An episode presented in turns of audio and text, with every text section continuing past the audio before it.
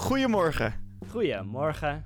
Welkom bij Ochtendgeiten, de show die jou een goede start van de dag geeft. Wij zijn jouw gastgeiten, mijn naam is Jeroen. En ik ben Sam. En wij gaan het deze aflevering hebben over nog meer uitvindingen. Vorige, vorige week hebben we al deel 1 van onze aflevering over uitvindingen gedaan. En vandaag rollen we gewoon gelijk door naar deel 2, waar we het hebben over Leonardo da Vinci, over plastic, uh, we gaan nog een lekker receptje delen. Uh, we gaan het ook nog hebben over de Google Glass. En dan is de grote vraag: gaan we het natuurlijk hebben over, over kaas en de uitvindingen daarvan? Daar kom je aan het einde van de aflevering achter. Naast twee mooie liedjes. Dus geniet er lekker van.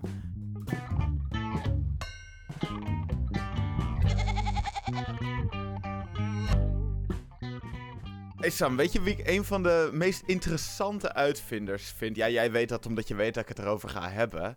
Maar... Nou, ik heb geen idee. Ja, wie zou dat nou zijn? Hebben we totaal niet net even doorgenomen wat we allemaal gaan bespreken. Nee, ik ga het hebben over Leonardo da Vinci. En Leonardo da Vinci vind ik fantastisch. Het is namelijk een ja, man die gewoon echt van alles en nog wat kan, heeft uitgevonden. En echt zijn tijd spendeerde in proberen beter te maken van de wereld. En Leonardo da Vinci die leefde best wel een tijdje geleden. Het was van 1452 tot 1519.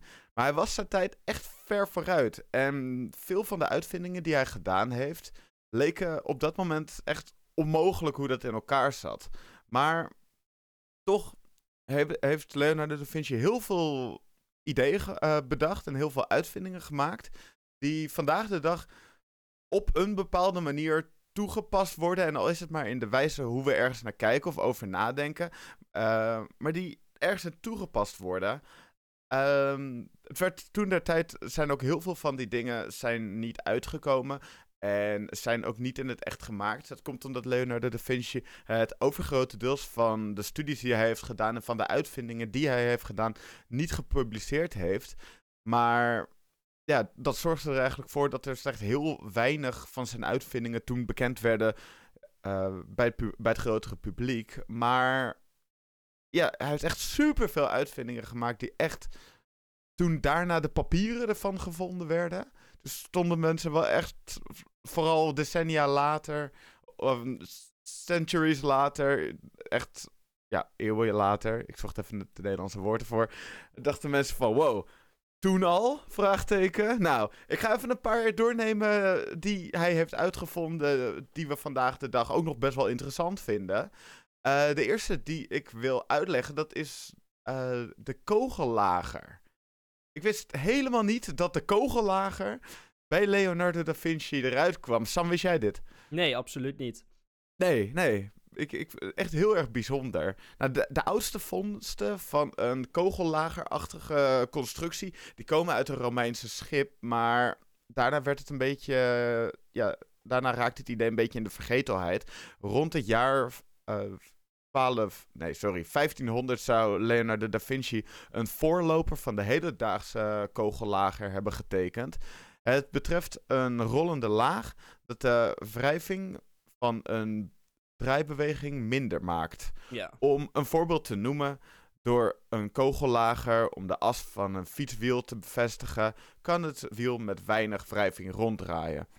Ondanks het feit dat de as gebruikt wordt voor een, ja, gaat onder een flink gewicht. Dus normaal heb, kan iets uh, niet goed ronddraaien, omdat het die wrijving heeft met het object waar erin zit. En als je dus uh, kogeltjes erin doet, dan kan je op die manier ervoor zorgen dat iets wel vrij rond elkaar kan draaien. En zonder, ja, zonder enig, nou niet uh, zonder helemaal geen wrijving, maar met heel erg weinig wrijving. Als je zo'n as um, gewoon ja, zonder kogellager maakt, zeg maar. Ja. Ehm, dan heeft het zoveel wrijving dat je heel vaak slijtage, of heel snel slijtage hebt en heel vaak de onderdelen moet vervangen. En bij een kogellager is dat minder het geval. Nou slijten die ook wel, maar een stuk minder snel. En um, ja, dat is dus in dat opzicht duurzaam, maar ook gewoon uh, betrouwbaarder. Zeker met zwaardere machines en um, ja, dingen die je niet uh, elk jaar wil vervangen. Zeker, zeker. Voor mij is het bij een fiets. Toen ik werkte bij de fietsenmaker, toen uh, zei ik altijd tegen mensen dat ze ervan uit kunnen gaan dat kogellagers zeker vijf jaar mee kunnen gaan. Gewoon omdat het zo... Het, is, het zit zo goed in elkaar. En de kogellager is wel echt grappig. Als je een kogellager openmaakt, dan is, zitten daar gewoon allemaal van die kleine balletjes in. Het zijn echt, ja, echt kogeltjes zitten erin. Het ligt eraan hoe, uh, voor wat voor apparaat natuurlijk en hoe groot uh, dat is. Ja, precies. Maar dat komt dus uh, van Leonardo da Vinci vandaan. Tenminste, hij komt niet bij hem vandaan. Maar hij had daar ook al een, een mooi idee voor. Waar Leonardo da Vinci ook een mooi idee voor, voor had, dat was de parachute. Ja. ja, een geruime tijd voor, de, voor het bedenken van de kogellagers om precies te zijn, in 1483 bedacht Da Vinci de parachute. Althans, zo noemen wij de uitvinding nu. Uh, nu. Toen de tijd had het ontwerp meer weg van een piramide die aan de onderkant open was. Naast de tekening schreef hij in spiegelbeeld dat men met deze uitvinding van grote hoogte kon springen zonder gewond te raken. Het duurde tot begin van deze eeuw voordat iemand een sprong durfde te wagen met Da Vinci's parachute. Geheel volgens de beschrijving heeft men de constructie nagebouwd van hout en, uh, en canvas. In Zuid-Afrika zweefde de Engelsman Adrian Nicholas hiermee probleemloos rond. Echt heel vet. Uh, rond alle, uh, ja, voor alle zekerheid sneed hij zich op ja, 600 meter hoogte los en zette de landing in met een moderne parachute. Dus toch even om ervoor te zorgen dat hij toch niet op het einde in die laatste 600 meter uh, een grote smakkert maakt tegen de grond. En ja, hij heeft dus uh, op een later moment heeft hij ook nog een keertje volledig de landing weten te maken met de parachute van Da Vinci. Dus ja, Leonardo da Vinci heeft gewoon al een parachute ontwikkeld voordat dat ver voordat dat gebruikt werd. En dat is dus later een keertje nagemaakt. En dat werkt dus. Dus dat laat zien. Dus dat zelfs al heeft hij het niet uitgevoerd toen. Die man wist echt wel waar hij mee bezig was. Ja, je kan natuurlijk wel concepten tekenen en um, ja, een, een tussen aanhalingstekens een oplossing voor een probleem maken. Maar als je het niet daadwerkelijk maakt en test, dan betekent het niet heel veel. Als je tenminste in, eh, in, die tijd. Um, Nu kan je makkelijker van tevoren weten of iets wel of niet gaat werken door middel van metingen en berekingen en zo. Ja, vaak ook modellen er tegenaan te gooien. Uh, of tenminste veel minder een ding, inderdaad, modellen. Um, dus het feit dat hij zo lang geleden is en dat hij zo'n concept heeft gemaakt en het feit dat het ook nog werkt, um, ja, dat is bijna niet grijpen gewoon hoe dat... Ja, maar de, daarom, daarom, daarom kennen we allemaal Leonardo da Vinci nu ook. Omdat hij dat soort dingen had. Uh, omdat hij dat soort dingen kon bedenken ook. Een ding wat hij ook bedacht heeft, wat ik ook wel vet vind, dat is de ornithopter. En hm. dat is, uh, ja, dat komt uit de gedachte om zelf te kunnen vliegen als een vogel. En deze gedachte die houdt de mensheid al bezig sinds de oude Grieken. Um, mensen willen vliegen als uh, vogels. Dus ze willen vleugels hebben die echt heen en weer kunnen klapperen. En daar bedacht Leonardo da Vinci een model voor, dat dus uiteindelijk de ornithopter werd. Um, hij heeft in 1490 geconcludeerd dat de mens wel ja, gewoonweg te zwaar is om met zijn eigen kracht te kunnen vliegen. Maar hij heeft daar wel een mechanische oplossing voor ontwikkeld. Hij stelde, eh, hij stelde zich de mens voor met hefbomen aan handen en voeten. Waarmee grote vleugels in beweging konden worden gezet. Dus wanneer jij een klein. Uh, wanneer je zelf een kleine beweging maakt, wordt dat overgezet naar een grotere beweging. En daarmee kon je dan uiteindelijk vliegen, had hij bedacht. Uh, uiteindelijk ja, zou dat niet werken en zou een mens gewoon naar de grond gaan. Maar het was wel een vet idee. En het was ook de eerste wetenschappelijke studie naar de vogelvlucht. Dat is ook wel uh, bijzonder. Ja, ja, hij ging echt kijken naar hoe de, hoe de mechanica van een vogel, om het zo maar even te zeggen. Hoe, uh, hoe het allemaal bij een vogel in elkaar zit. En hoe een zo, vogel zo goed kan vliegen. En dat is weer, net zoals we bij de vorige aflevering ook uh, zo'n zo'n eh, uitvinding hadden. Is weer een manier hoe je kan kijken naar de natuur om op die manier zelf iets uit te vinden. Ja, wordt geïnspireerd door de natuur. Is mooi. Kijk om je heen. Lekker man. Um, pas in 2010 slaagden studenten van uh, de University of Toronto voor Aerospace Studies erin om een vliegmachine aangedreven door mankracht het luchtruim in te gaan. Ja. Is vet. Oh. Wat ook vet is, wat ik ook niet wist dat uh, bedacht is door Leonardo da Vinci, is het machinegeweer. Uh, ja, ja, ja. Zo, zo random allemaal. Leonardo da Vinci heeft de voorloper van de machinegeweer ontworpen. Hij was de eerste die het principe van de drieloop toepaste. Vervol, uh, overigens werd er in zijn gedachtegang niet drie kogels tegelijkertijd afgevoerd. Volgens Da Vinci's uh, constructie kon de loop, waarin de eerste kogel is uh, afgestoten, eventjes afkoelen gedurende het moment dat de tweede kogel werd afgevoerd. En daarna ging de derde, wanneer, en wanneer die weg was, kon weer de nieuwe even snel opgeladen worden, zodat ze echt op die manier achter elkaar konden schieten. En dit was ook uiterst effectief. Uh, enkele eeuwen later deed men in Oekraïne een opmerkelijke fonds. Een kanon dat, zo bleek onlangs, is gemaakt door Leonardo da Vinci. En toen werd, uh, vermoedelijk werd het kanon ook gebruikt in de oorlog tussen uh, de Venetianen en de Kroaten. Dat is wel grappig. Ik heb hier een tekening voor me van dat uh, machinegeweer. Ja? Het ziet er bijzonder uit, moet ik zeggen. Um, heel gek ja, het lijkt... om, hier een machinegeweer van in, in, in te zien, zeg maar. maar... Het lijkt ook alsof die kogels alle kanten opgaan. Dus alsof je niet echt kan, kan richten. Je gaat gewoon dan... Je gaat gewoon de hele horizon waarschijnlijk vullen met kogels op die manier. Uh, ja. ja, nou ja dat, dat, ja, dat is misschien ook wel het bedoel, bedoeling geweest. Maar uh, ja. ja. inderdaad. Uh, interessant. Uh, wat ik ook interessant vind, wat hij ontwikkeld heeft, is de duikpak. Die man is echt van alle huizen thuis. Uh, ja, het is uh, zoals je net al zag met het afschieten van vele kogels tegelijkertijd, hebben heel veel van Da Vinci's uitvindingen te maken met oorlogsvoering. Zo ontwierp hij dus een duikbak voor militaire doeleinden. Gekleed in het duikpak uh, van Da Vinci ademt de duiker door twee in het pak vastgemaakte buizen. Die doorlopen tot aan het wateroppervlak. Dus het is een pak, een helm wat je over je heen hebt, met buizen die naar het oppervlak gaan. En deze worden vastgemaakt aan het oppervlak. Dat kan bijvoorbeeld met een boei zijn of iets dergelijks. En ja, je kan. Uh, daarvoor heeft Leonardo da Vinci ook nog uh, drijvende schoenen. Als je lekker boven het water wil blijven. Ook nog drijvende schoenen gemaakt. Dus ook hier weer heeft hij echt van alles gedaan. Wat hij ook bedacht heeft, is de tank. We zijn nu op het helft van het lijstje, want ik ga de 10 opnoemen. Uh, dit is de tank. En zo heeft Da Vinci een cirkelvormige tank uitgerust met 36 kanonnen. en ja, dus dan kan je gewoon lekker in je tank zitten. Grote, grote wagen was dat. Uh, er zouden zes militairen in zitten. En zijn gewoon aan allerlei kanten zou je dan kan, uh, ja, uh, als zij kanonnen hebben die alle kanten op kunnen gaan. De buitenzijde was bedekt met metalen schubben. En daardoor kon de kogel van de vijand ook weggekaatst worden.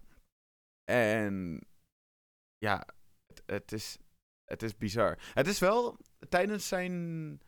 Uh, hij heeft, er dus, hij heeft dit nooit uitgevoerd. Hij heeft hier alleen tekeningen van. Net zoals dus grootste deel van, het grootste deel van zijn uitvindingen. Maar hij heeft tekening gemaakt waarbij zijn de wielen de tegenovergestelde richting indraaien. Dus ja, dat is een mechanisch foutje in de tekeningen van Da Vinci. Kom je niet heel vaak tegen, maar volgens hoe hij dit uh, bedacht heeft, moeten de twee uh, wielen tegen elkaar indraaien. Hmm. That's some weird shit. Dat kan wel om heel snel een bocht te maken, maar dan moeten ze op zo'n hele specifieke manier gepositioneerd zijn. Ja, ja, dan zou dat kunnen. Maar dat, dat was ook niet het geval. Wat uh, hij ook ontwikkeld heeft, was de self-propelled cart. Dat is de voorloper van de auto. Hij heeft gewoon een voorloper van de auto bedacht in uh, het jaar 1500. Uh, eh, ook ja, de tekeningen van de voorloper van onze auto, die lag dus ooit op de werktafel van Leonardo da Vinci. Deze constructie bestaat ja, zo van wat wij weten uit de self-propelled car. Helaas zijn deze ook alleen maar bij werktekeningen gebleven. Um, ja, mensen vonden dat waarschijnlijk, als ze dat zagen, als, uh, als Da Vinci dat al uitgebracht heeft, vonden mensen het waarschijnlijk een heel erg raar idee en het heel erg gevaarlijk. Maar het was uiteindelijk een zelfpropelled kart. Het staat verder niet zo heel veel in over hoe die constructie precies in elkaar zat. Maar het is wel dus. Uh, het, het is een manier hoe je automatisch een auto voor kan sturen. Uh, ik bedoel, voor kan laten rijden. Ja, ik vind het vet. Oké. Ja, ja. Ja, blijft verbazingwekkend. Ja, wat, hij, wat die man allemaal bedacht heeft, het slaat echt helemaal nergens op. Hij heeft ook wat, de, hele wat de hele moderne wereld is gewoon door hem bedacht. Ja, ja, het is echt bizar inderdaad. Hij heeft ook de ideale stad ontwikkeld. uh, ja, hij is echt van alle huizen thuis. Maar ik vind het echt bizar dat heel veel mensen die gaan in, in hun leven misschien een paar dingetjes uitvinden. Deze man heeft zo, zoveel uitgevonden. Echt op zoveel verschillende vlakken. Hij was een alleskunner. Hij heeft dus ook de, de Mona Lisa geschilderd. Het is zo weird allemaal. Ja. Zoveel gedaan. Maar in ieder geval, de ideale stad. Want toen de pest de stad Milaan in haar greep hield, ontwikkelde Leonardo da Vinci zijn plannen voor de ideale stad. Volgens zijn denkbeelden leefden arme en rijke mensen apart van elkaar. Rijke mensen in adel mochten in de stad blijven wonen. Arme mensen werden gehuisvest in nieuwe woonwijken op het platteland. verder, verder voorzag hij de ideale stad van vele kanalen die zouden moeten fungeren als verkeersaders en afvalafvoerkana- uh, vuilnisafvoerkanalen. Uh, een ander idee was om de, uh, de rijtuigen en voetgangers van elkaar te onderscheiden. Rijtuigen op de ene weg, voetgangers op de andere.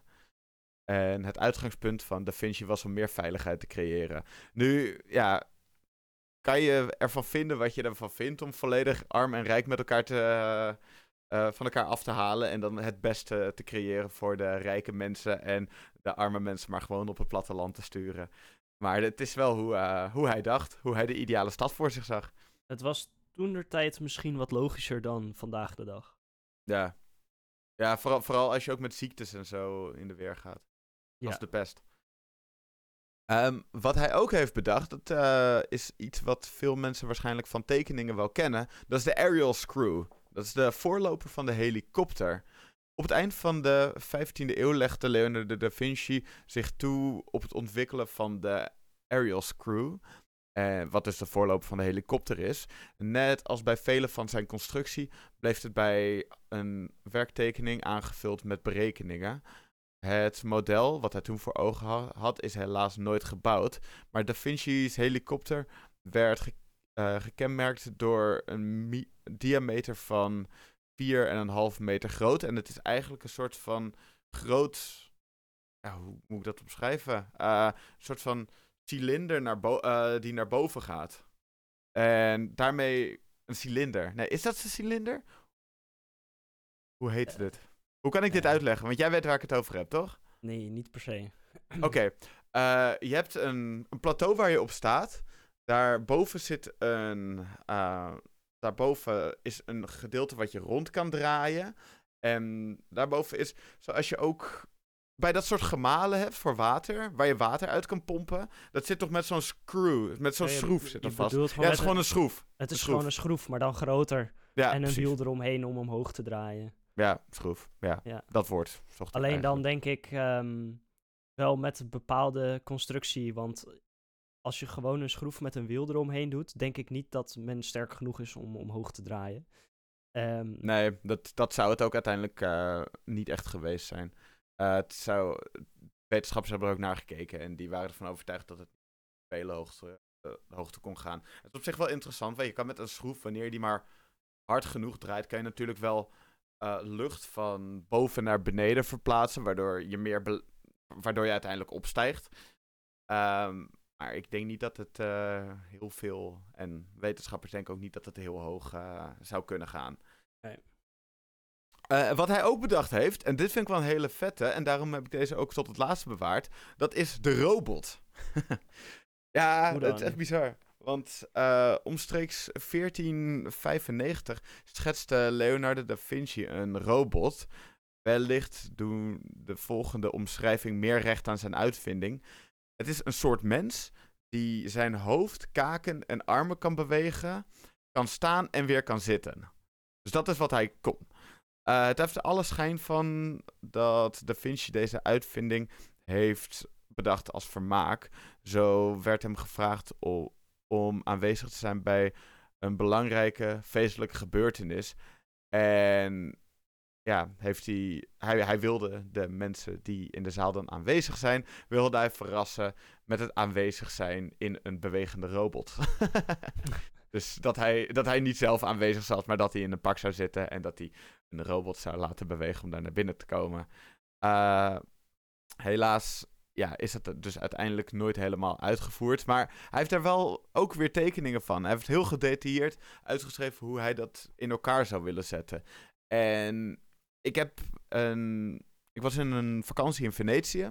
En daar was een kerk.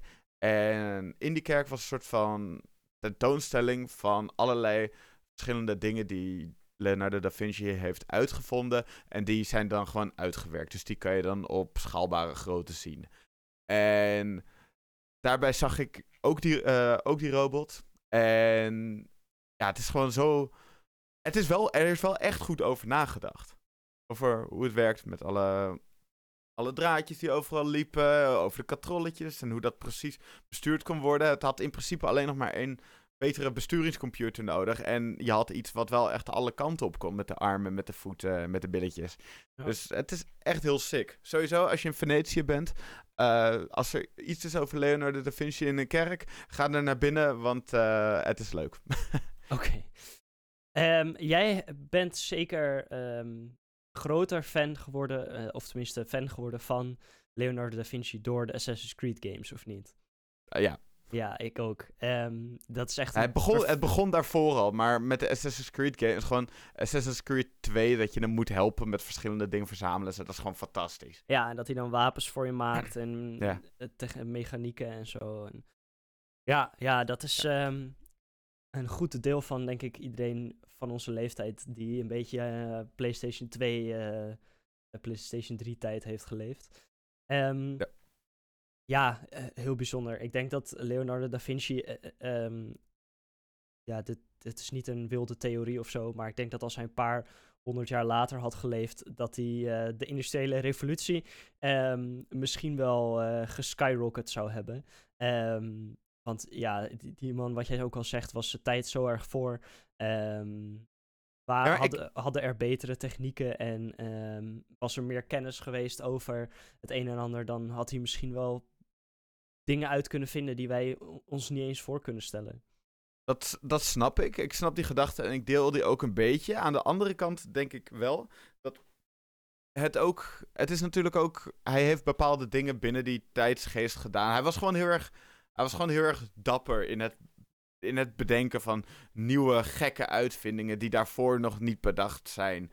En hij, hij, was daarin wel heel slim. Hij, hij, zocht, hij zocht inderdaad oplossingen voor problemen. Ik denk dat dat altijd wel zo geweest is. Ik denk dat waarom er nu. We zitten natuurlijk in een tijd waarin juist ook heel erg snel gaat. Maar tegelijkertijd, je hebt niet meer dat soort grote denkers als Leonardo da Vinci. En ik denk dat wanneer een Leonardo da Vinci in, in de vroegmoderne of moderne tijd uh, dus zou zijn geweest, dat hij dan toch sneller afgeleid was. Net zoals mensen nu ook sneller afgeleid zijn. Dat kan. Dat kan. Maar ja, dat, maar dat, zullen we nooit weten. ja, precies. Dat is alles. Dat zijn zoveel variabelen. Um, wat we wel weten over uh, moderne uh, grote denkers, um, ga ik eventjes een, een, een, uh, iets meer dan 100 jaar terug um, naar ene Leo Bakeland. Dat is een Belg geweest die. kijk, ik weet dat jij het een en ander tegen uh, België hebt, uh, Jeroen. Nee, maar, nee, nee, nee, um, nee, nee, nee. Dit gaat nee, het misschien alleen maar versterken. ik, um, ik ben nooit ehm, tegen België. Ik ben... Ik... Nou, oké, okay, laat maar. Nee, nee, nee, we gaan deze niet weer in.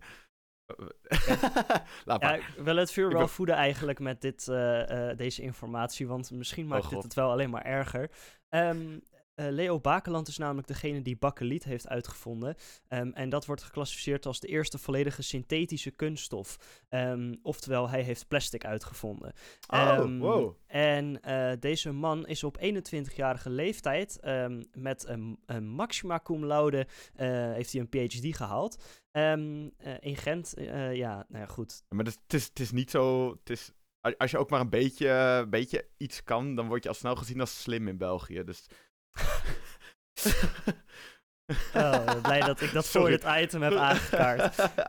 um, maar goed, dit was dus in um, uh, 1889 um, dat hij uh, professor werd daar. En ja, hij had een interessant leven. Ik ga er niet heel erg op in.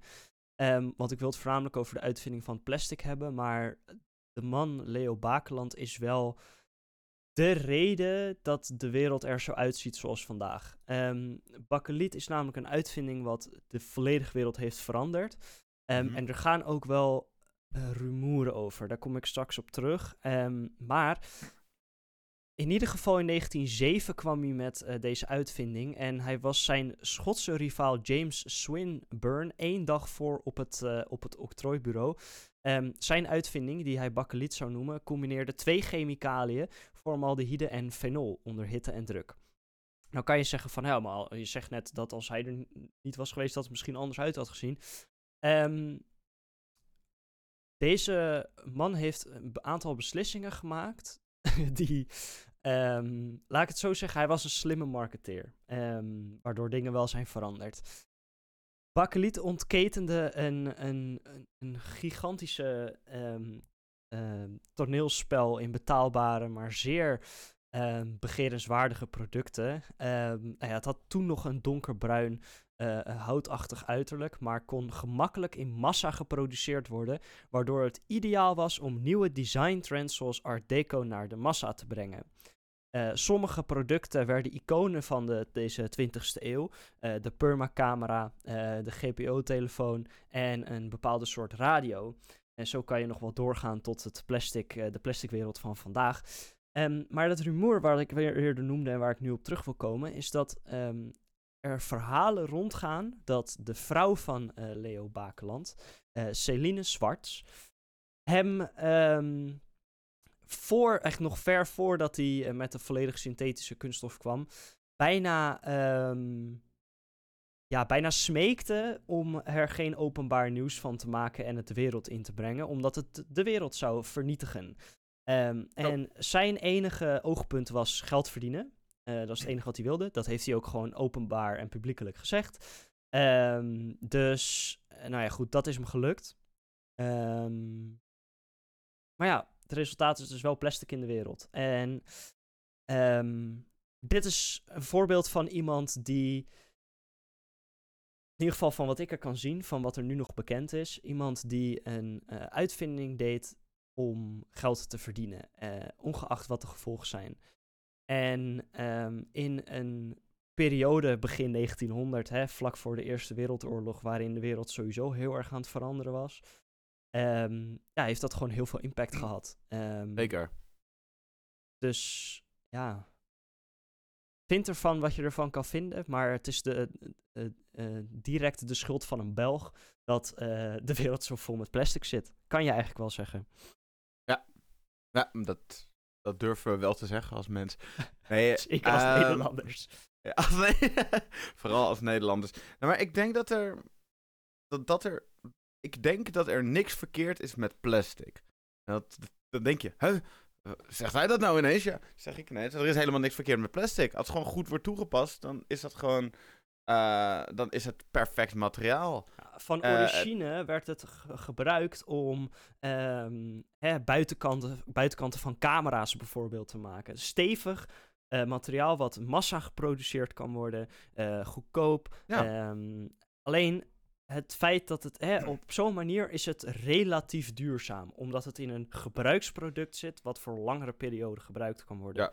Op het moment dat het in verpakkingen werd gebruikt, daar is het volledig verkeerd gegaan. Ja, ja uh, precies. Want plastic uit zichzelf is gewoon echt wel een mooie uitvinding. En er is, is heel veel mee gemaakt en zo. Maar inderdaad, het moment dat je dat je gewoon zo, zoveel plastic hebt dat je het gewoon inderdaad makkelijk kan weggooien. En maar voor één boterhammetje kan hoeft te gebruiken. Dat soort dingen. En daarna weg kan pleuren. En dat het nooit gerecycled wordt. Of dat het in een, een of andere. Uh, eetjes, bel, belbel. Bubbel in ehm, de Atlantische Oceaan terechtkomt of zo. Ja, dat, dan is het fucked up. Maar plastic uit zichzelf is niet goed. Hangt er maar vanaf hoe je ermee omgaat. Uh, ja, dat klopt. Maar dat is ehm, met in principe alles. absoluut. Uh, ja, Behalve genocide. Uh, ja, oké. Daar heb je een punt. Um, hey, Daar wil ik verder niks over zeggen. Nee. um, nu hebben we het gehad over verpakkingen van voedsel. Maar het gaat op dit moment eventjes meer over het voedsel wat erin zit. Um, jij hebt als het goed is een, een receptje klaar liggen. Zeker. En het is echt, echt een makkelijk receptje. Uh, maar echt wel heel erg lekker. Als je hiermee aankomt uh, bij je familie of zo, dan gaan ze denken: hè, jij dus zelf gemaakt? Fantastisch. En dan heb je het gewoon even in elkaar geflanst. Want ik heb het over Indische semur smor gehaktballetjes. En dat is een typisch Indisch gerecht. En met een heerlijke smor hebt van de goed gekruide gehaktballetjes. En het is echt fantastisch lekker. Wat je nodig hebt is, uh, is uh, dit recept voor twee personen trouwens, maar is 350 gram runder gehakt, één uitje, twee tenen knoflook, één eetlepel ketchup manis, anderhalf theelepel zout, anderhalf theelepel nootmuskaatpoeder, een halve theelepel kruidnagelpoeder, een halve theelepel peter, is beter. Peper en 20 mm zonnebloemolie. Ik bedoel 20 milliliter, want 20 meter zonnebloemolie is een beetje veel zonnebloemolie. Nou, hoe maak je het? Uh, meng het gehakt in een kom met 1 theelepel zout, uh, een snufje peper, 1 teentje gesnipperde knoflook. Maak hier een balletje van, de grootte van een pingpongbal. En hier, ja, hier kun je ongeveer 14 van die mooie balletjes uitmaken. Verhit de zonnebloemolie in een pan en bak de, uh, de gehaktballetjes licht aan.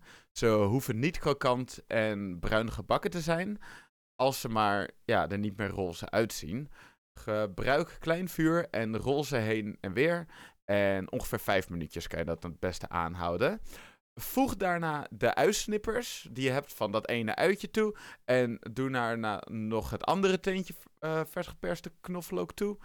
En fruit het dan één minuut op klein laag vuurtje. Giet daarna één eetlepel ketchup manis in de pan. En een halve theelepel zout.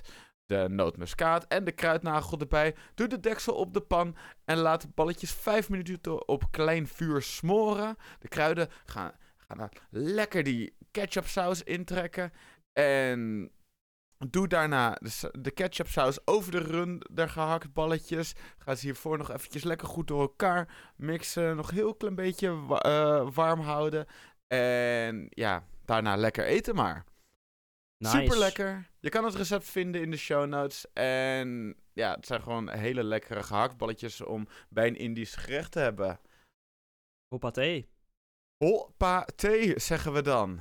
En uh, geen uh, eetlepels peter, maar peper. En ook niet 20 meter zonnebloemolie, maar 20 milliliter. Ja. Ja. Ja. het idee van 20 meter zonnebloemolie vind ik iets te leuk. Ja. het is wel heel veel zonnebloemolie. En een streepje. Zou je over 20 meter zonnebloemolie. Oké, ik ga nu weer afdwalen hoor. Zou je over 20 meter zonnebloemolie 20 millimeter uit kunnen schenken? In principe wel, maar dan moet je gewoon heel weinig zonnebloemolie per meter doen. Ik denk niet dat... dat... Dan heb je heel laag ZPM. Een machine kan dat misschien, maar wij niet. Moet jij eens opletten, vriend. Oké. Ik... Het antwoord is nee. Het antwoord is nee, oké. Helaas. Um, ik ga het nu hebben over een uitvinding dat ik wel een hele interessante uitvinding vind. Namelijk de machine waarvan je ervoor kan zorgen dat je 20 uh, milliliter zonnebloemolie over 20 meter kan, uh, kan verspreiden. Maar dat is niet waar ik het nu over wil hebben. Ik wil het hebben over een andere uitvinding die vooral met de kennis van nu heel erg interessant is om te zien. Ik wil het namelijk hebben over de Google Glass. Het is een uitvinding waar de wereld toen het uitkwam nog niet klaar voor was. En misschien wel nooit gaat worden. Ik laat het ook bij, hierbij eventjes in het midden of het een goed of slecht iets dat uh, is dat de Google Glass geen groot succes is geworden. Uh, want ik wil met name ingaan wat het is, wat het kan en waarom het niet aangeslagen is. Ben je bekend met de Google Glass, Sam? Ja, absoluut. Nou, ik had er dus een paar dagen geleden een gesprek over met een collega van mij. En toen gingen we even kijken wanneer de Google Glass uitgekomen is. En dat is gewoon, uh, het is gewoon aangekondigd in 2012. En daar schrok ik wel weer een beetje van. Dat is gewoon meer dan tien jaar geleden. Terwijl, ja, ik, ik ben gewoon bang dat we nu die leeftijd aan het bereiken zijn waarbij dingen kort geleden voelen, maar lang geleden zijn. Dat is nooit zo'n heel fijn ding om over na te denken. Ja, maar, nee. maar Google Glass, dat was een augmented reality bril. Dat is ontwikkeld door Google en dus werd aangekondigd in 2012. Uh, eh, het was ontworpen als een draagbaar informatiesysteem en had verschillende kenmerken. Uh, Google Glass had bijvoorbeeld een klein scherm bovenin, het rechteroog van de drager. Hierop konden gebruikers informatie, zoals tekstberichten, naviga navigatieaanwijzingen en andere gegevens, in het gezichtsveld zien, zonder dat ze naar een scherm hoeven te kijken. Eh, de bril was uitgerust met een ingebouwde camera waarmee gebruikers foto's en video's konden maken vanuit hun perspectief. Dit was een van de meest controversiële aspecten van Google Glass vanwege ook privacyzorgen, maar daar gaan we het zo nog even over hebben. Uh, gebruikers konden de bril bedienen met gesproken commando's zoals OK Glass, dus nu voor datgene van Google, wat ik nu niet hardop ga spreken, want anders gaan de meeste Google-telefoontjes nu aanspringen. En ja, dan kan je daarna een opdracht inspreken en dan kan je dus uh, de bril bedienen. Uh, Google Glass kon verbinding maken met het internet via draadloze technologieën, waardoor gebruikers ook toegang hadden tot de verschillende apps, tot internetbrowsing en andere uh, ja, online functionaliteiten. En eerste instantie was Google Glass, en dat vind ik wel heel erg interessant, opgericht, uh, ja, echt heel erg gericht op ontwikkelaars. Het was echt een nieuw iets, dat zie je nu ook met de Apple Vision Pro. Dat ze echt nog dat ze het echt op zo'n manier laten uitbrengen. Dat ze heel erg willen dat andere ontwikkelaars uh, apps gaan bouwen daarvoor. Zodat dat geïntegreerd kan worden binnen dat systeem. En op die manier het platform en de dingen die je ermee kan, kon vergroten. Het was ook heel vaak dat uh, Google dan liet zien van dit zou ermee kunnen. Maar dan hadden ze het zelf nog niet. Dan moesten andere mensen het gaan bouwen, zodat dat dan ook echt kon. Maar dat ze zelf een soort van werkelijkheid creëerden van... Oké, dit kan het wanneer je koopt, maar dat kon op dat moment nog niet. Want het moest eerst nog gebouwd worden door andere ontwikkelaars die het op zouden pakken... op het moment dat Google dat soort dingen zou zeggen. Uh, dat was een mond vol. Google Glass was uh, bedoeld om de wereld van augmented reality en draagbare technologieën te verkennen. Het had uh, wel echt een hele grote potentie voor verschil en verschillende toepassingen in verschillende sectoren, die ook echt heel erg positief waren. Waaronder bijvoorbeeld gezondheidszorg, want Google Glass kon worden gebruikt in de gezondheidszorg voor hands-free toegang tot medische gegevens, het bekijken van patiëntendossiers tijdens chirurgie, waardoor bijvoorbeeld je er nooit een fout in kan maken in dat je het verkeerde been amputeert. Ja. Eh, ja. wat echt wel gebeurd is in, in de wereld en nog steeds helaas gebeurt. uh, het delen van live operatiebeelden voor opleidingen en samenwerk, uh, samenwerking. Of bijvoorbeeld het assisteren van artsen bij het stellen van diagnoses en het uitvoeren van procedures. Dus je kan gewoon daarin iemand laten meekijken die bijvoorbeeld nog eventjes mee kan denken. Of direct een second opinion kan geven ergens over. Dat is heel erg handig. Uh, daarnaast uh, werd, kon het ook heel goed gebruikt worden voor logistieke medicijnen. Want in logistieke omgevingen konden medewerkers Google Glass dragen om virtual, uh, sorry, om real-time informatie over voorraadbeheer, orderpicking en bijvoorbeeld tracking te ontvangen. Dit zou de efficiëntie van magazijnwerkzaamheden flink kunnen verbeteren ook. Zo hoeven ze niet elke keer ergens op te kijken wat de informatie is van het pakketje. Maar zie je het gewoon in je zicht en kan je daarop, ja, kan je daarop werken. Vind ik wel een interessante ook. En een hele handige. Er zijn echt wel goede innovatieve ideeën uh, voortgekomen uit Google Glass. Zeker, zeker. En bijvoorbeeld ook in onderwijs had dat gebruikt kunnen Bijvoorbeeld dat docenten Google Glass kunnen gebruiken om les te geven met visuele ondersteuning. En te communiceren met studenten op afstand van videoconferenties. Uh, en ja, dat geeft ook bijvoorbeeld de mogelijkheid om hele complexe concepten, bijvoorbeeld in de wiskunde, visueel te kunnen demonstreren. Dat is ook wel een hele interessante. Uh, daarnaast onderhoud en reparaties.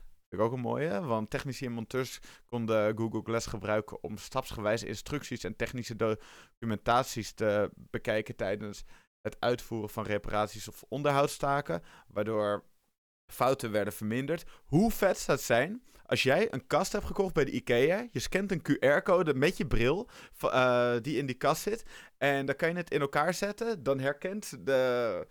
Uh, dan herkent jouw bril, herken, nu is het ook in samengaan met AI, maar dan herkent jouw bril de onderdelen die op de, uh, die op de grond liggen. En dan wijst het uh, gewoon aan van deze moet je, uh, dit moet je daarin doen, die moet je daarin doen. En zo kun je stapsgewijs zo'n kast in elkaar zetten. Ik vind dat een hele vette functie. Absoluut. Het is heel, heel slim. Ja, augmented ja. reality is natuurlijk een... Je kan het op ontelbaar veel manieren toepassen. Ja, ja, ja, precies. Bijvoorbeeld ook in toerisme, want in de toerisme-industrie konden gidsen Google Glass gebruiken om historische en culturele informatie te delen met de toeristen, terwijl ze de bezienswaardigheden bezochten. Dus kijk jij naar, de, naar het Colosseum, dan kunnen er allemaal pijltjes staan van hey, dit in het Colosseum, dit is gemaakt in zoveel voor Christus. Um, en met wat informatie dat er ook bij hoort. Super handig. Waar het ook handig voor is, echt, ik word heel erg enthousiast als ik erover praat. In al deze verschillende dingen waar we voor kunnen gebruiken. Uh, voor, voor beveiliging, want beveiligingspersoneel die zou dan Google Glass kunnen dragen om directe toegang te hebben tot beveiligingscamera's en andere beveiligingsinformaties. Waardoor ze ook effectiever konden reageren op incidenten.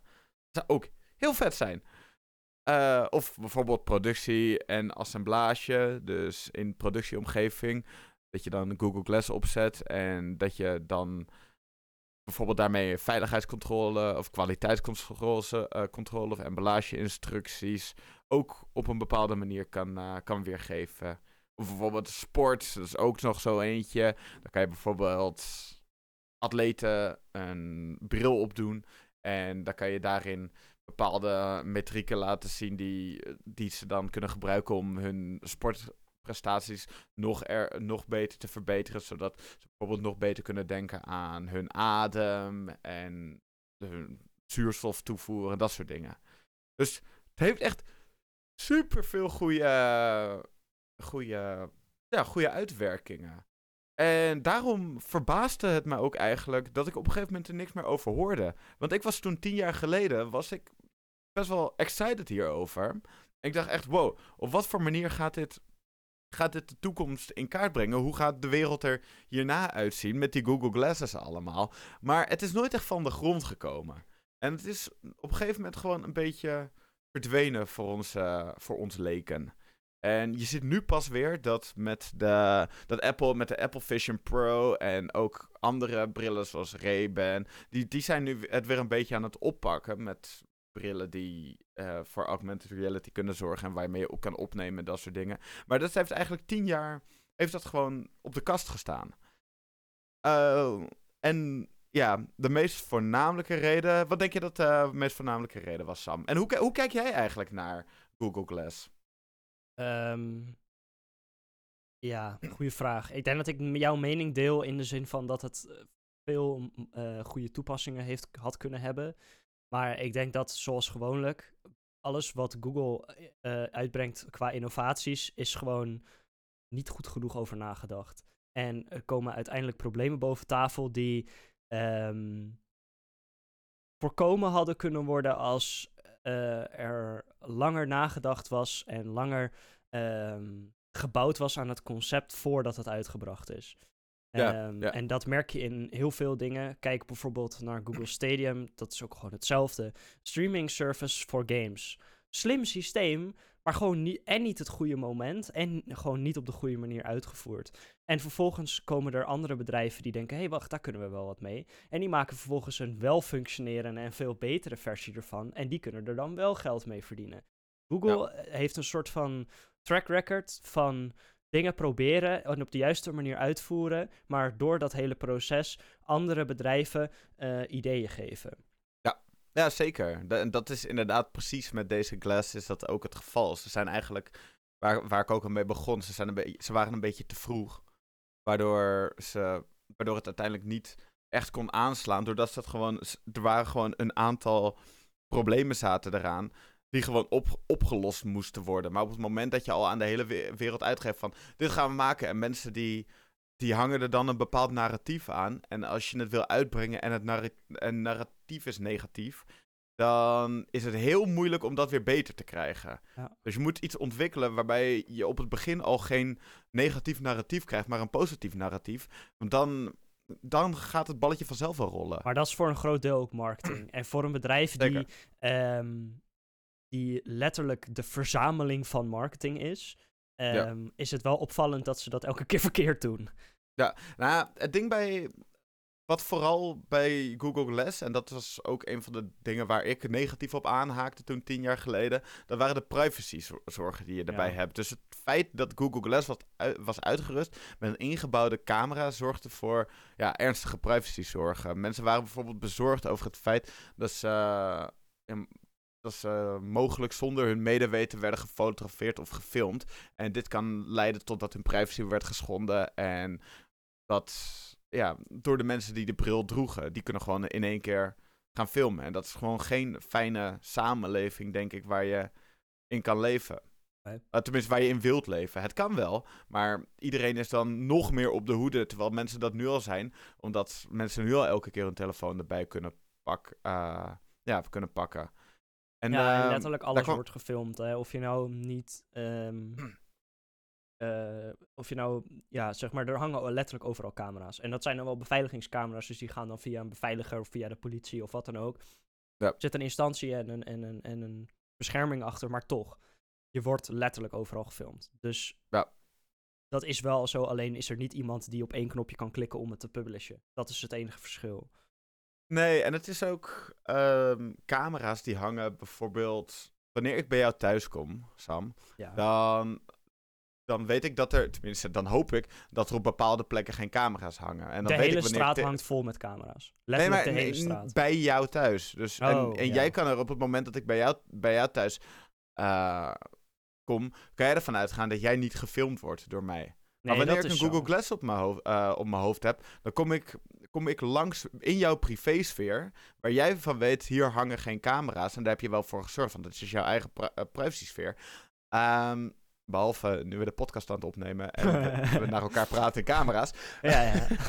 maar uh, bedenk ik me ineens. Maar verder hou, hou je dingen gewoon, wil je gewoon voor jezelf houden. En het is heel naar om te weten dat wanneer jij met iemand praat, dat er dan een mogelijkheid kan zijn dat je gefilmd wordt. En dat zou voor heel veel sociale ongemak zorgen, denk ik. Het schept ook wantrouwen en dat is er al zoveel. Ja, ja precies, inderdaad. Um, het uiterlijk van de bril was ook een uh, reden waarom het niet aansloeg. Want het ontwerp van de Google Glass die wordt voor velen als futuristisch en onconventioneel beschouwd. De opvallende verschijning van de bril met een klein schermpje boven het rechteroog maakt het voor mensen ook moeilijk om te accepteren. Vonden mensen, vonden mensen gek, vonden mensen raar. Maar dat is ja, dat is iets waar mensen uiteindelijk aan zouden moeten wennen, zou het doorgegaan zijn. Ehm, een hoge prijs en daarvoor beperkte toepassingen, dat was ook een reden dat het niet helemaal uh, doorgezet werd. Want de Google Glass was oorspronkelijk duur en dat beperkte praktische toepassingen. Het was vooral gericht op ontwikkelaars en niet echt nuttig als hulpmiddel voor de gemiddelde consument. Uh, ook al vond ik gewoon het idee dat je Google Maps daar rond op hebt, vond ik wel een vette. Je dan rond kan lopen en dat je in je bovenhoek, uh, ja, dat je daar een pijltje ziet uh, welke kant je op moet gaan. Ik zie nog steeds wel zo, zoveel handige dingen die je daarmee kan doen, die ook al ingebouwd waren voor Google. Maar dat, het was alsnog relatief beperkte toepassingen. Vooral als je kijkt wat we nu allemaal kunnen.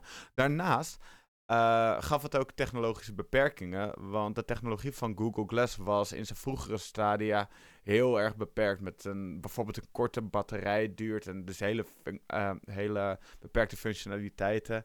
En het voldeed niet aan de verwachtingen van de gebruikers. Dat heb ik ook wel gehoord. Dat mensen die het op hebben gehad, dat die het wel vet vonden.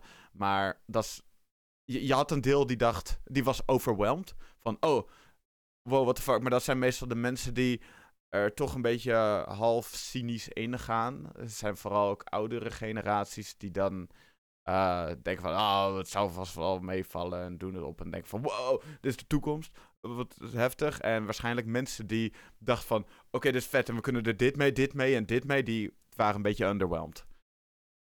Um, maar dat, dat is dus vanuit Google inderdaad, Google het grootste advertentieplatform ter wereld, uh, is dat gewoon niet goed over nagedacht in de advertentie. Je, je moet realistische gedachten scheppen.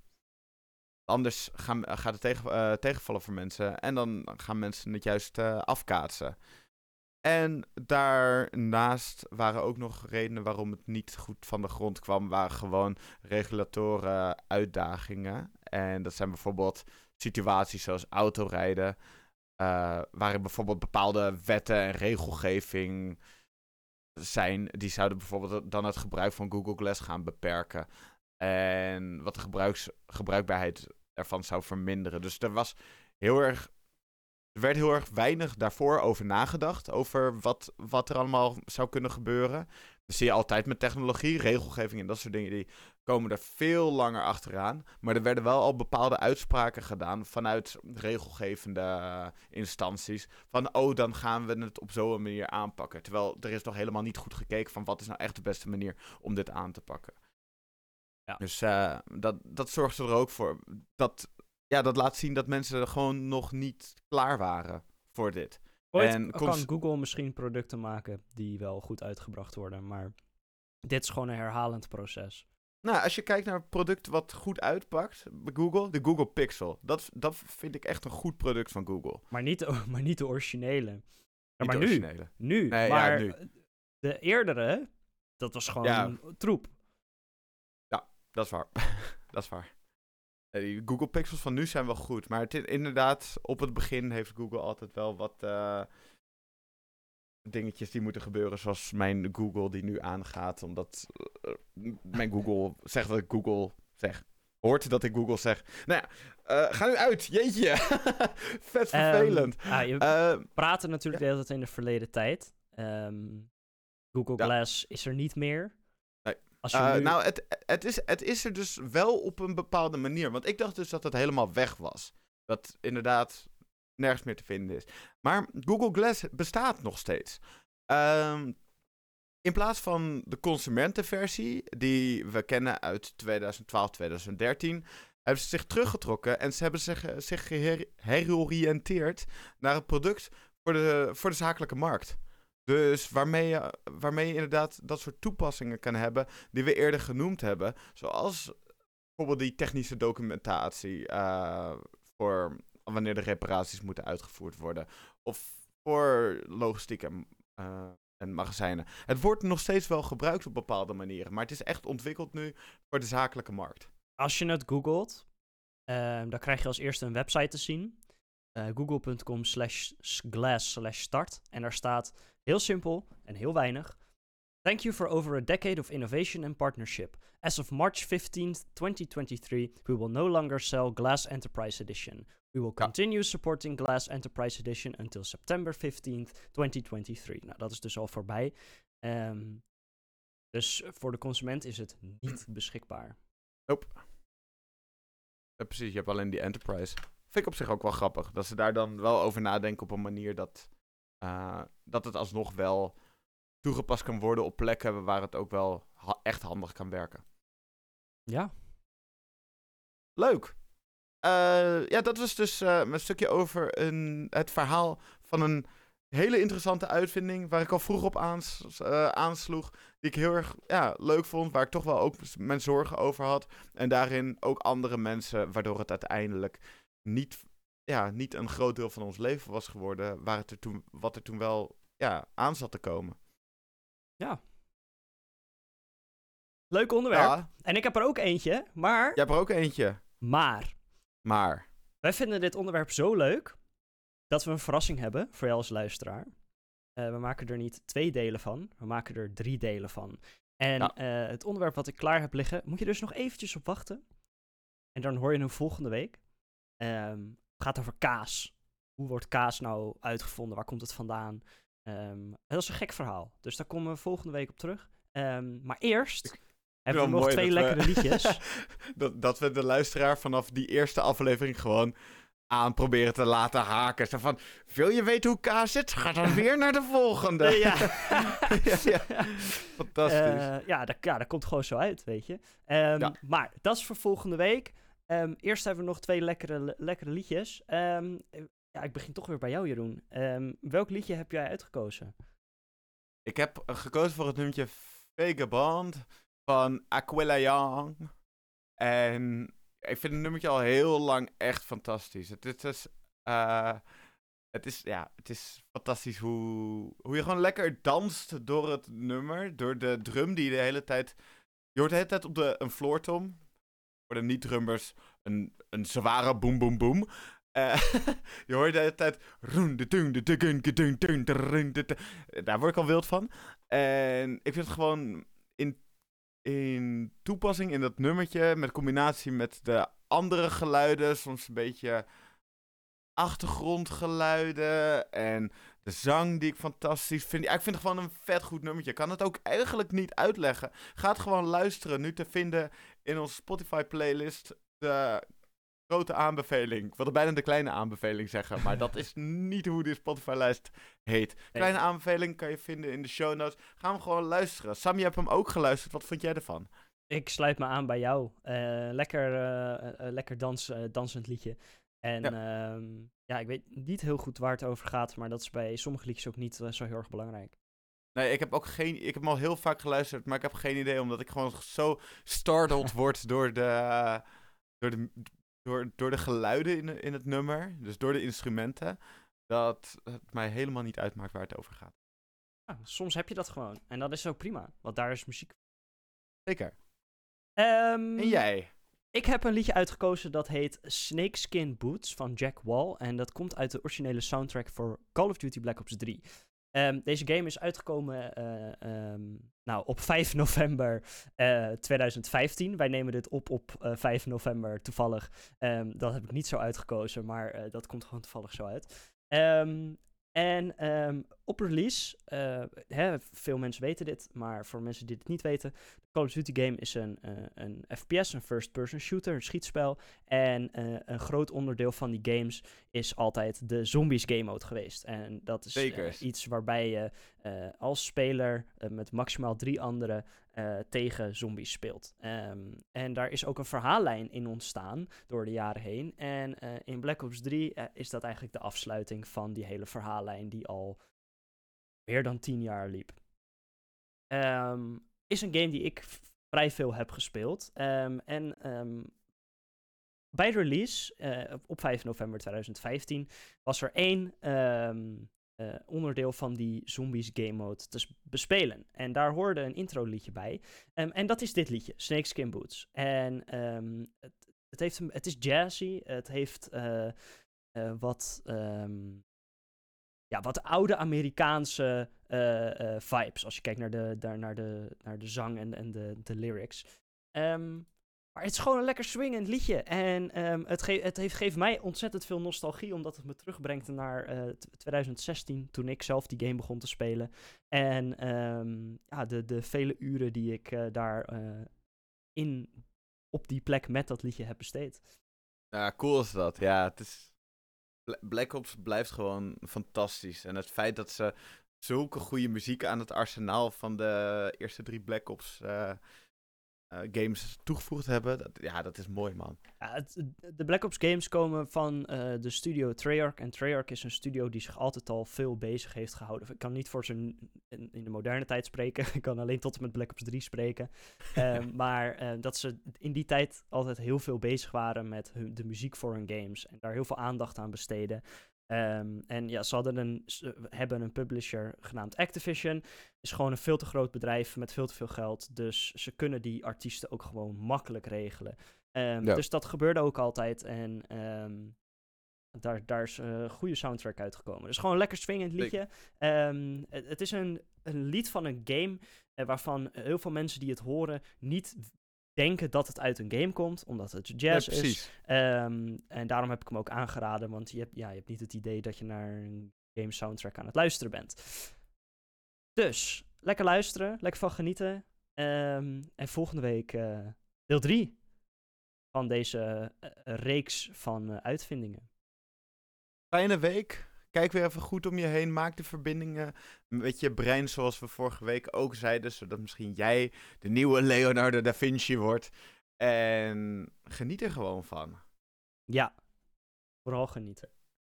Vooral genieten. Doei!